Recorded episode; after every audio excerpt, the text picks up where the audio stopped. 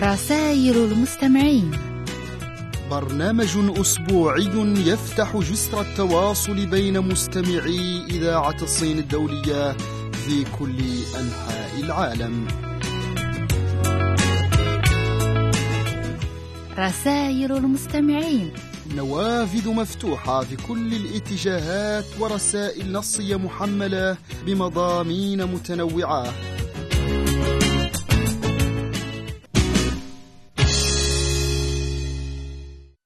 مستمعينا الأعزاء السلام عليكم.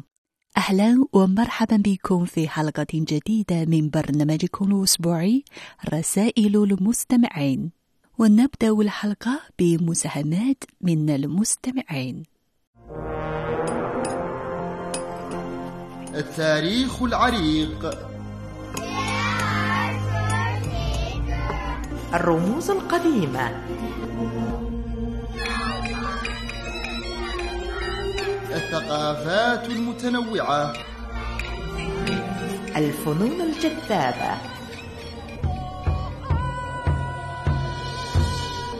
إذاعة الصين الدولية تقدم لكم. الصين الجميلة.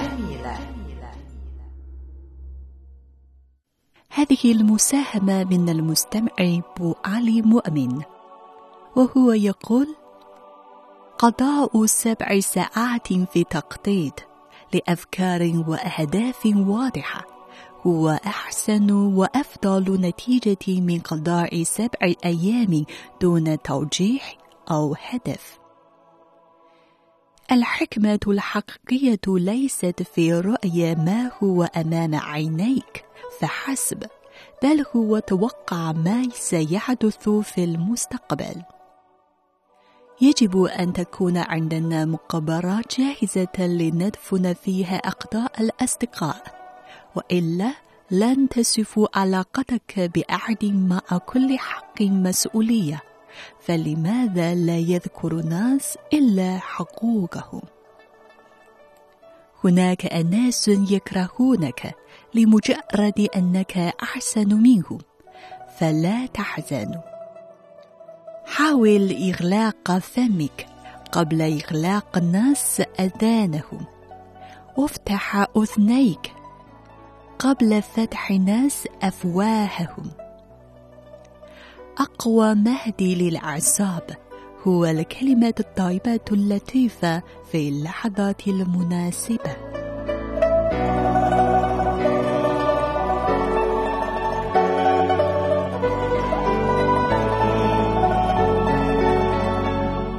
هذه المساهمة من المستمعة المصرية ليلى وهي قالت استعيدي لعدوك وكأنه أسد حتى لو كان فأرا. الحق كالنهار لابد أن يأتي. الذي يشتري ما ليس بحاجة إليه يسرق نفسه. الحسد يأكل نفسه. كما يأكل صدى الحديد. ابتسم عند الهزيمة وتواضع عند النصر. جراح الأسنان تشفى وجراح اللسان تدوم. أفقر الناس من ليس لديه أمل. القطرات القليلة تصنع جدولا بشاشة الوجه أحسن من سخاء الكف. من أعطيته سيرك أصبحت له عبدا. يظن الثعلب أن جميع الناس يحبون الدجاج مثله. لا تجفف قمحك على باب جارك. واحذر من يقدم لك كثير الهدايا. الجدار المتصدع يسقط سريعا. إن أردت النار فيبحث عنها في رماد. أزرع أملا تحسد حبا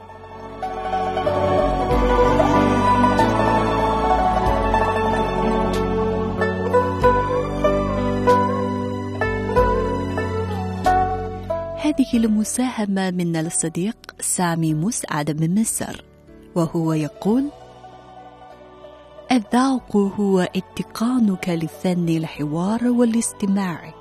الذوق هو احترامك للآخرين. الذوق هو أن تكون أخلاقك كما هي لا أن تتغير بتغير الأشخاص. وعندما تكون هذه صفاتك فأنت في ممتلك ذوق.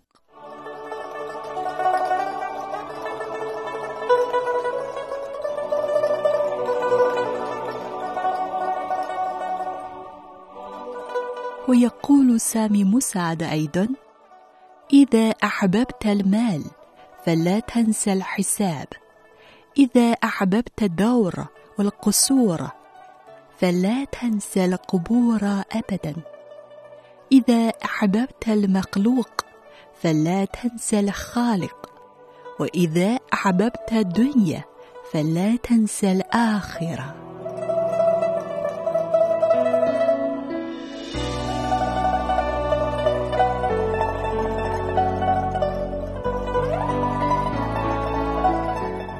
هذه المساهمة من الصديق محمد السيد من مصر وهو يقول كثرة الظن بالشيء ربما تولد اليقين به اجعل الكتاب رفيقك في كل دروب الحياة. قد يكون الطريق إلى حياة أفضل مليئا بالأشواق إذا كنت فقيرا في كل جانب تمسك بالفضيلة تغنيك. أسعد الناس من لا ينظر إلى الماضي بحسرة أو ندم.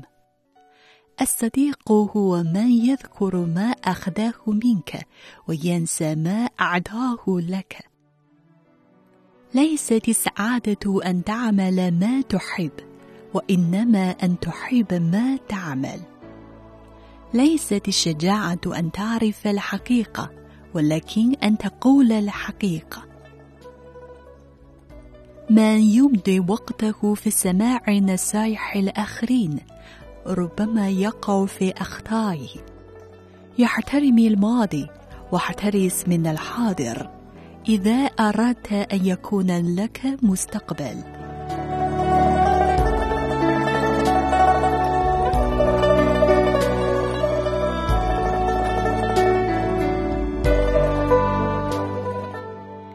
هذه المساهمة من المستمع بوشعيب الحساني وهو من المغرب.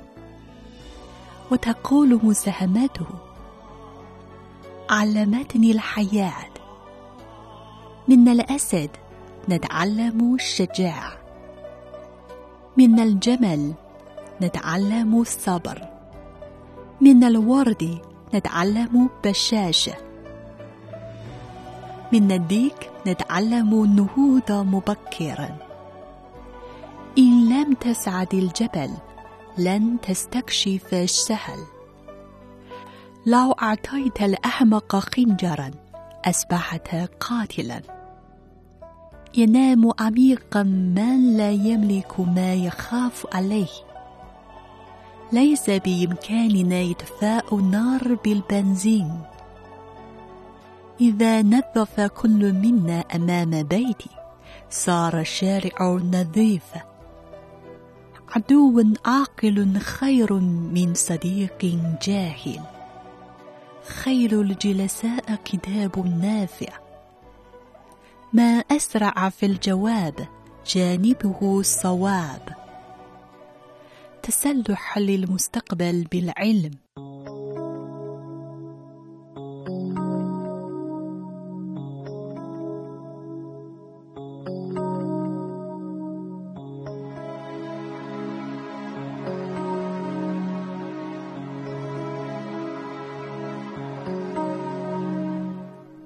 هذه المساهمة تشمل بعض الأقوال وهي التدريب هو أفضل المعلمين.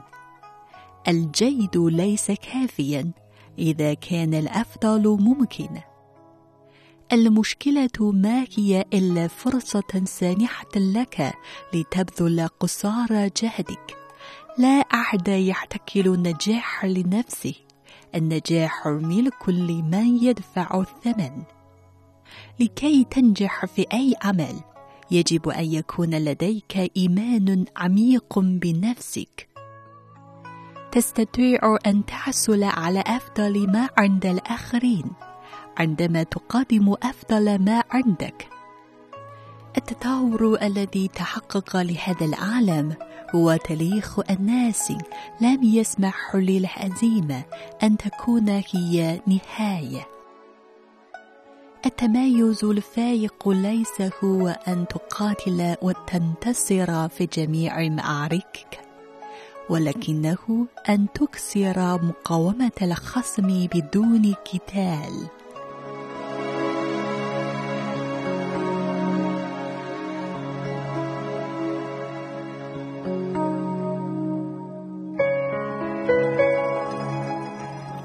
هذه المساهمة من المستمع بن آمر وهو يقول صديقك الحقيقي هو من يفهمك بلا كلمات ويصدقك بلا أدلة وينصحك بدون أغراض ويحبك بدون أسباب ويعرفك بدون مصالح. لا تجعل علاقتك بالله كعلاقتك بالمسعفين. تتصل بهم فقط عند الطوارئ. بل اجعل قلبك متعلقا بالله في الشدة والرخاء واذكره في السراء والضراء. الكلمات تشبه المفاتيح. إذا استخدمتها بشكل صحيح تخلق بها أفواه. وتفتح بها قلوب. من أسباب السعادة أن يكون لديك عينا ترى الأجمل وعقلا يفكر بالأفضل وروحا يملئها الإيمان.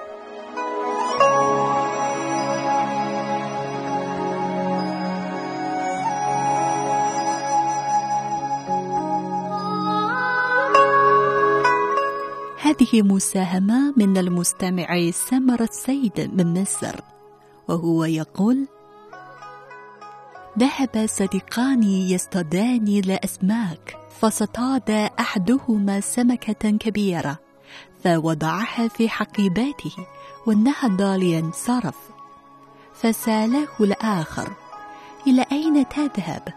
فأجابه الصديق إلى البيت لقد حصلت على سمكة كبيرة جدا تكفيني فرد الرجل انتظر لتصطاد المزيد من الأسماك الكبيرة مثلي فسأله صديقه لماذا أفعل ذلك؟ فرد الرجل عندما تصطاد أكثر وأكثر من سمكة يمكنك أن تبيعه فسأله صديق لماذا أفعل هذا؟ قال له كي تحصل على المزيد من المال فسأله صديقه لماذا أفعل ذلك؟ فرد رجل يمكنك أن تدخره وتزيد من رصيدك في البنك فسأله لماذا أفعل ذلك؟ فرد رجل لكي تصبح ثريا فسأله صديق لماذا سأفعل بالثراء؟ فرد الرجل. تستطيع في يوم من الأيام. عندما تبكر أن تستطيع بوقتك مع أولادك وزوجتك. فقال له الصديق العاقل هذا هو بالضبط ما أفعله الآن ولا أريد تأجيله حتى أكبر رجل عاقل أليس كذلك؟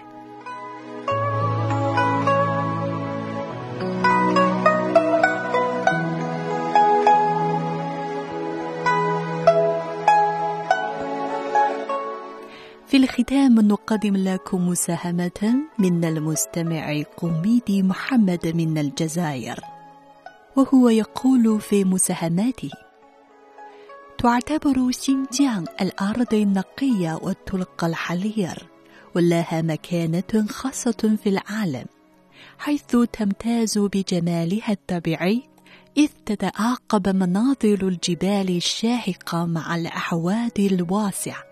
مما يشكل ملامح توبوغرافية تتميز بإحاطة الجبال بالأحواض. كما تعتبر سينجيان أيضا منطقة تتفاوت فيها مستويات الارتفاع بشكل كبير. كما تعتبر سينجيان موطنا للغناء والرقص منذ القدم. ويجد أبناء قوميات الويغور والقزاق والقلقيس والتاجيك ومنغوليا والشيبو والأوزبك والتتار الغناء والرقص إلى جانب الأغاني والرقصات من شييو أي المناطق الغربية الصينية القديمة. حقيقة إنها جنة فوق الأرض.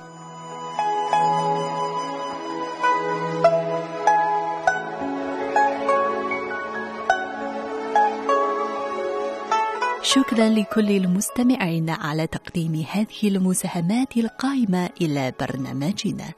ونتمنى أن تواصلوا متابعة برامجنا وتقدموا لنا المزيد من المساهمات. ونحن بانتظاركم.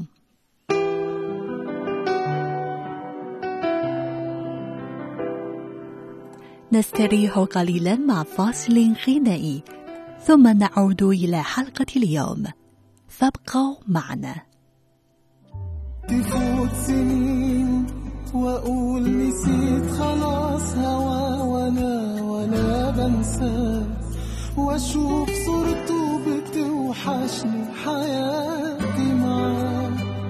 وأقول نسيت خلاص هوا وأنا وأنا بنساه وأشوف صورته بتوحشني حياتي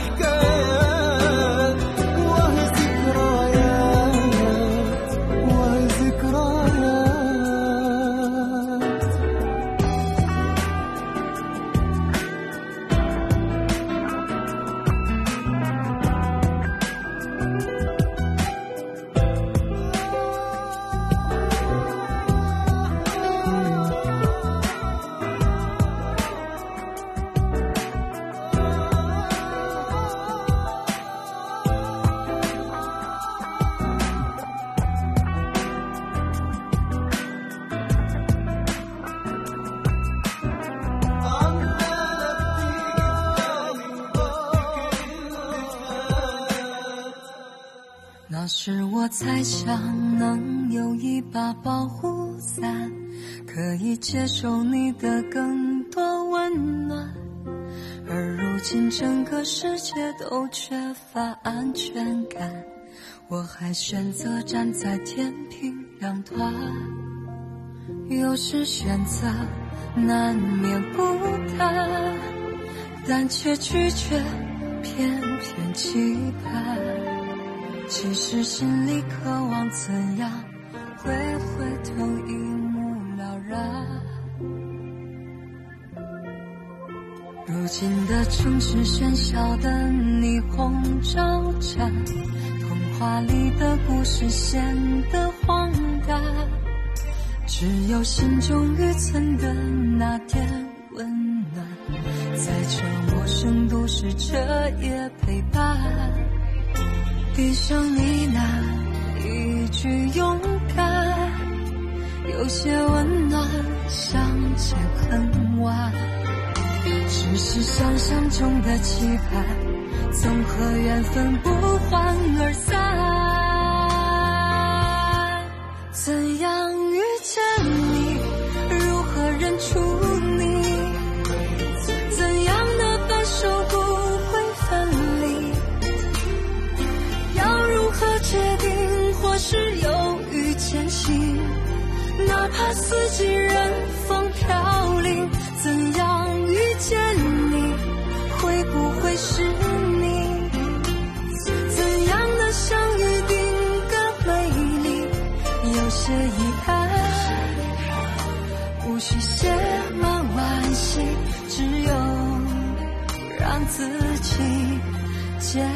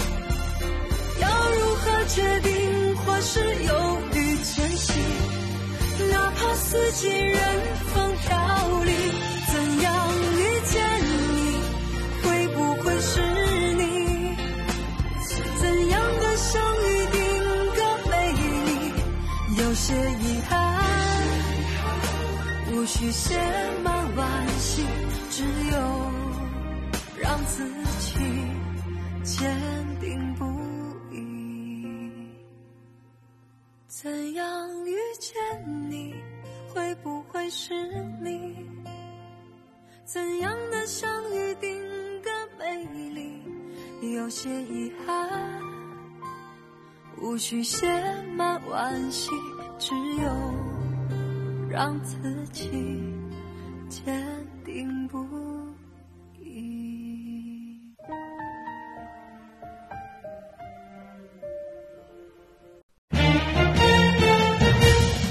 مستمعين الأعزاء إذا أردتم الحصول على جدول برامجنا تفضلوا بزيارة موقعنا على الإنترنت arabic.cri.cn ويمكنكم مراسلتنا عبر العنوان التالي إذاعة الصين الدولية بكين الصين CRI داش 22 الرمز البريدي واحد صفر صفر صفر أربعة صفر.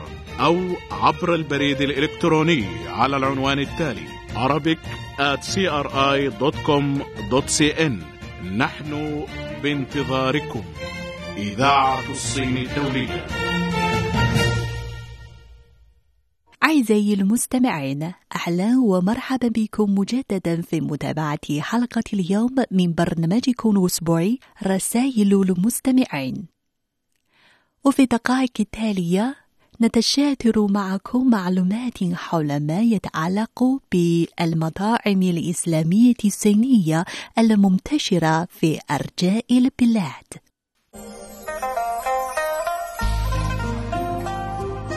إذاعة سين الدولية ترحب بكم على الموجات القصيرة وموجات أف أم والإنترنت.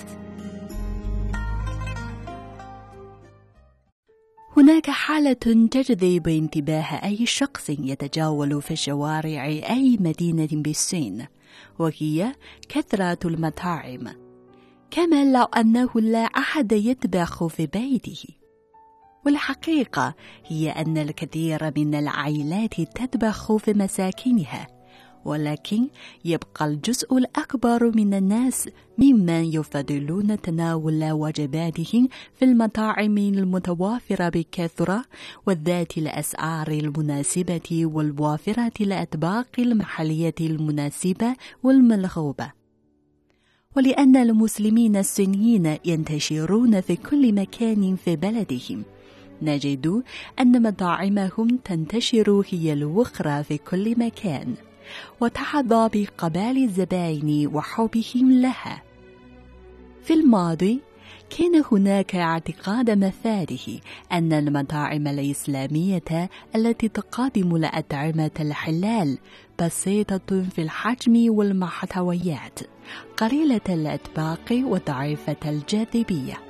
ولكن مع الطفرة الكبيرة في حياة الصينيين بعد سياسات الإصلاح والانفتاح والتنمية السريعة وارتفاع العوائد بشكل ملحوظ شمل تطور معظم جوانب الحياة ومنها المطاعم خاصة المطاعم الإسلامية محور حديثنا اليوم. لقد توارث المسلمون الصينيون أصناف الأطعمة الإسلامية الحلال وطروها لتتلائم مع العصر واحتياجاته. وظهرت علامات بارزة وشركات متخصصة موثوق بها تتنافس لتقديم الأفضل في هذا المجال.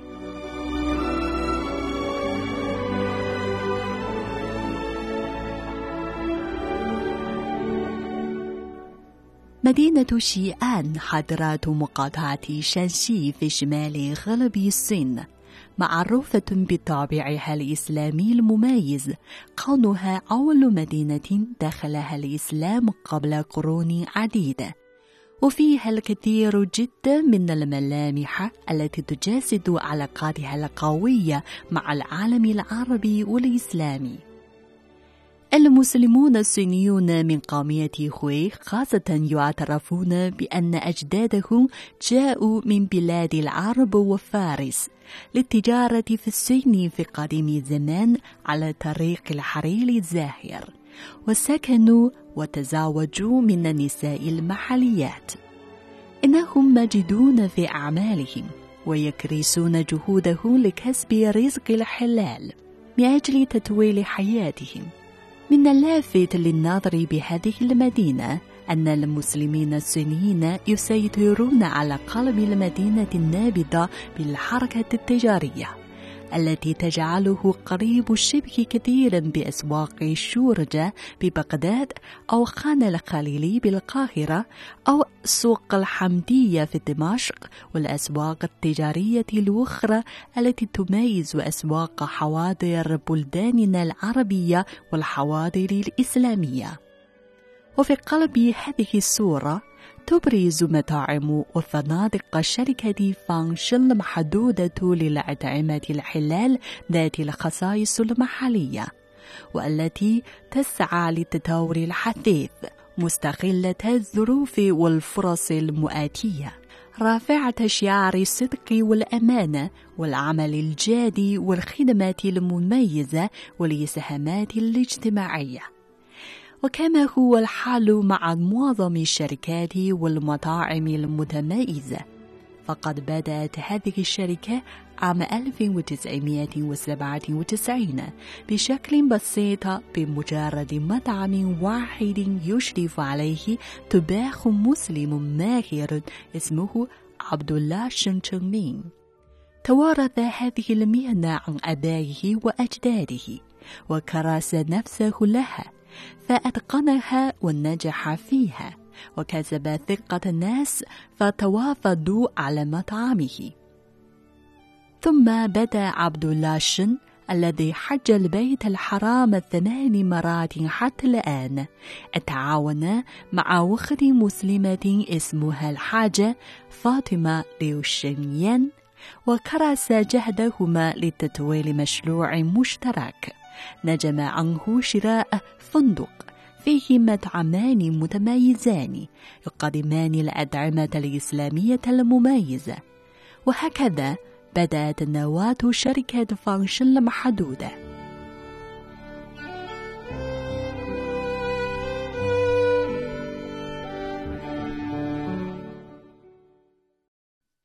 وعلى مدى أكثر من ستة عشر عاما من الجهد تكونت خبرة ممتازة للشركة وتطورت لتصبح الأكبر في هذا المجال بمدينة شيئان. ولديها ثلاثة مطاعم معروفة بالسمعة الطيبة ويعمل فيها أكثر من 300 موظف وعامل. وعلى عكس الفكرة القديمة التي تعتقد بأن المطاعم الإسلامية صغيرة وبسيطة في البناء والمحتويات ظهر الفرع الثالث لمطاعم هذه الشركة وبرز بأسلوب رائع من التصميم والديكور المميزين بالعمارة الإسلامية والخصائص الصينية. إنه مبنى يثير إعجاب كل ما يراه ويدخله ويعزز في الأذهان صورة الكفاح من أجل التتويل بإدارة حديثة ومستنيرة.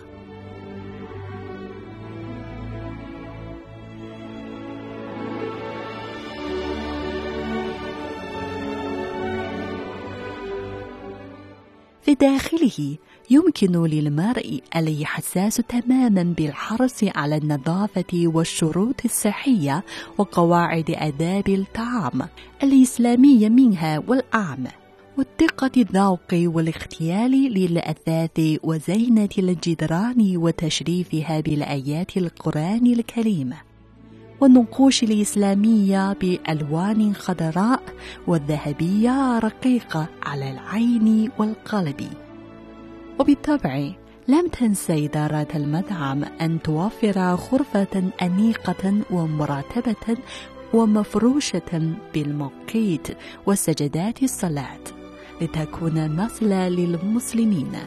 وفي العديد من الأماكن صور لشخصيات صينية وإسلامية وعالمية بارزة زارت هذا المطعم الذي تحرص إدارته على الاحتفاء الكريم بضيوفه وزبائنه من كل مكان.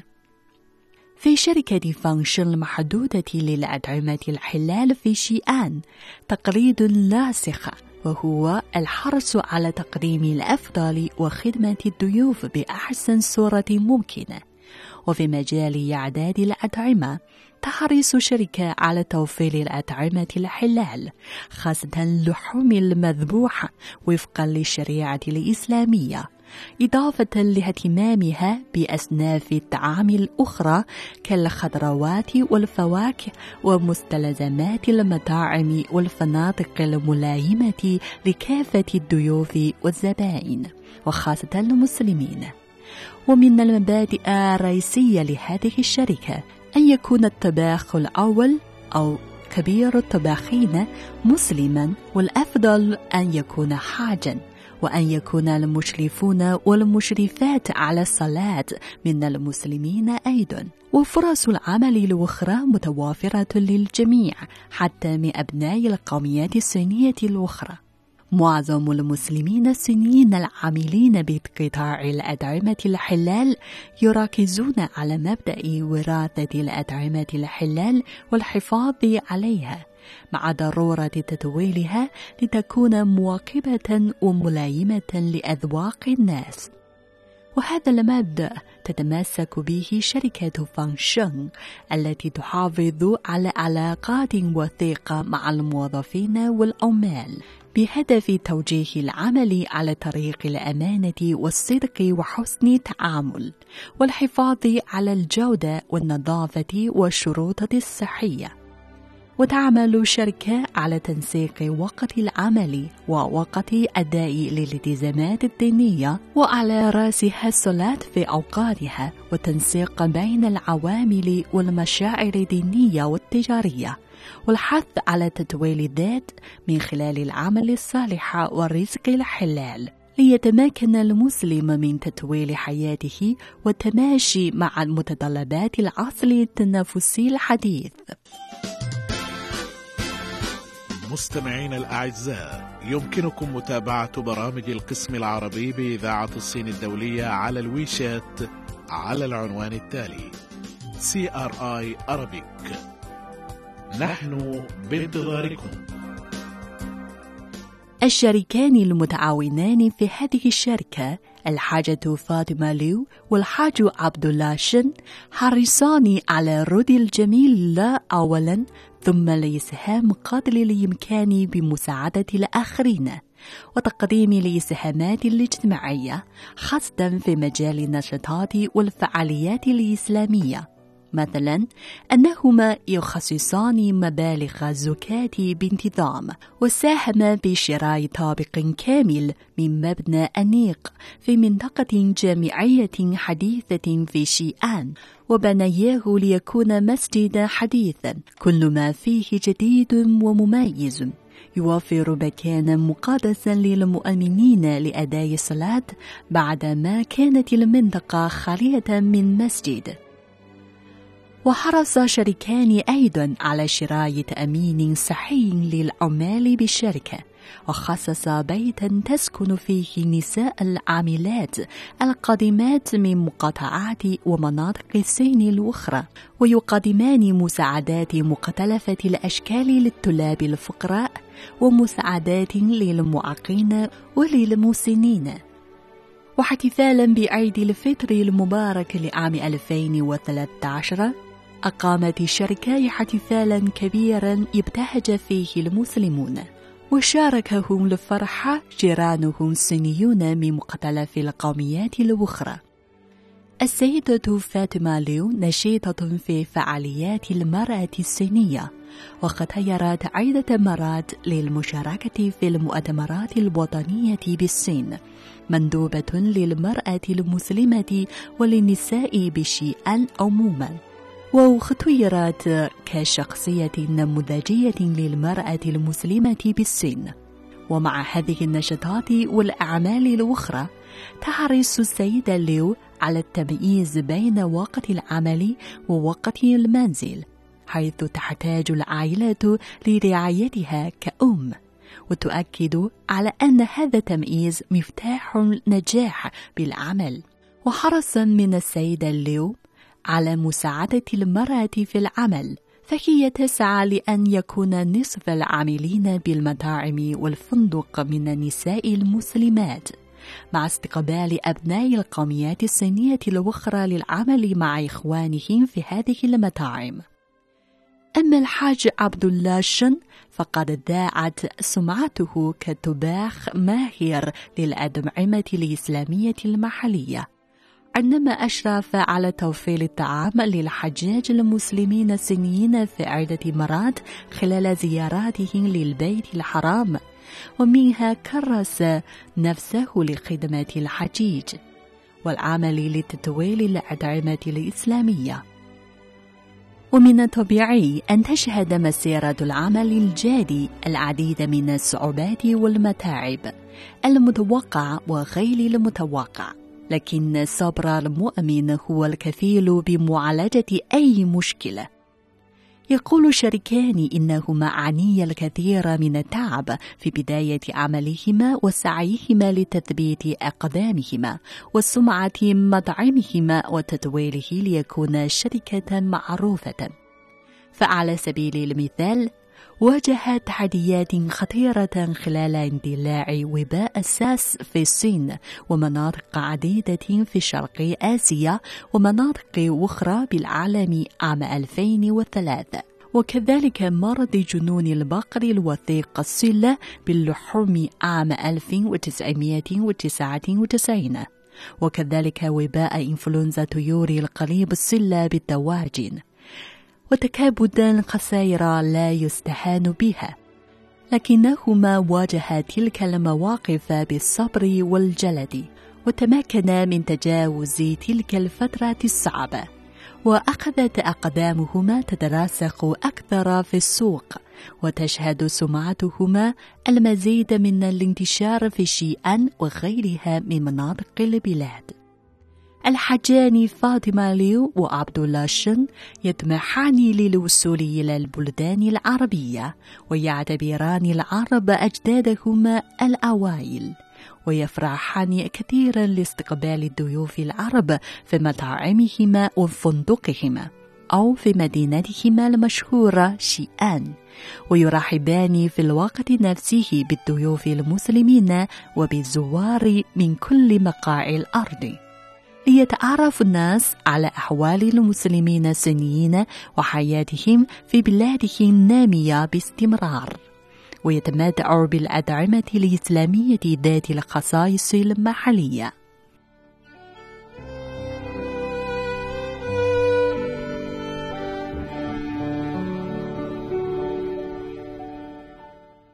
مستمعينا الكرام إلى هنا تنتهي حلقة اليوم من برنامجكم الأسبوعي رسائل المستمعين. وللمزيد من المعلومات يمكنكم زيارة موقعنا على شبكة الإنترنت على العنوان التالي arabic.cri.cn شكرا لحسن متابعتكم وإلى اللقاء في حلقة قادمة في الأسبوع المقبل. 桥过水流深处，屋外有一片枫树林，战火硝烟弥漫。过了今夜，我要远行。你摘下黄色枫叶，证明我在秋天离开。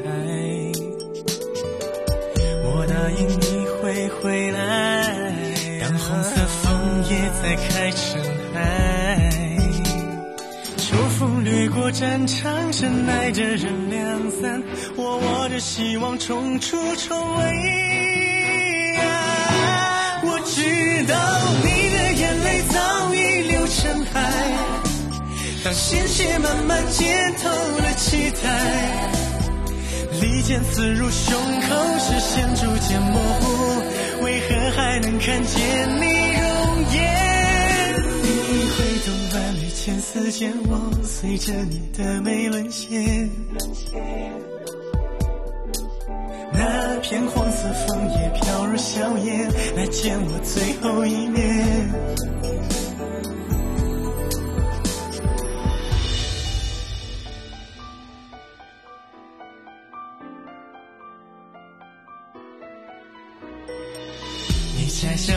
的枫叶，证明我在秋天离开。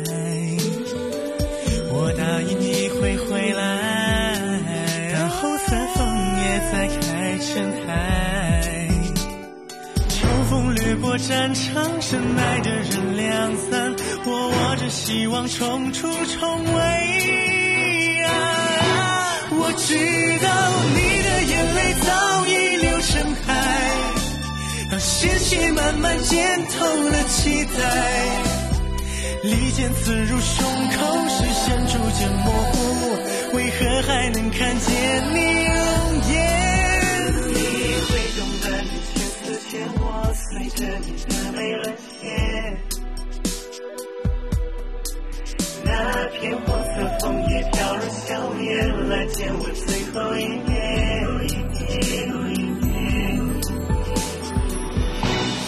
仿佛可以看见那片枫树海，看见你还在树下守着爱。我要飞过万水千山，回到你身边，哪怕只能再说声再见。眼泪在闭上双眼之前，和解除的血凝结。那片黄色枫叶飘过人间，来到了我的身边。好想再好好看你一眼，再和梦波堂前。亲爱的。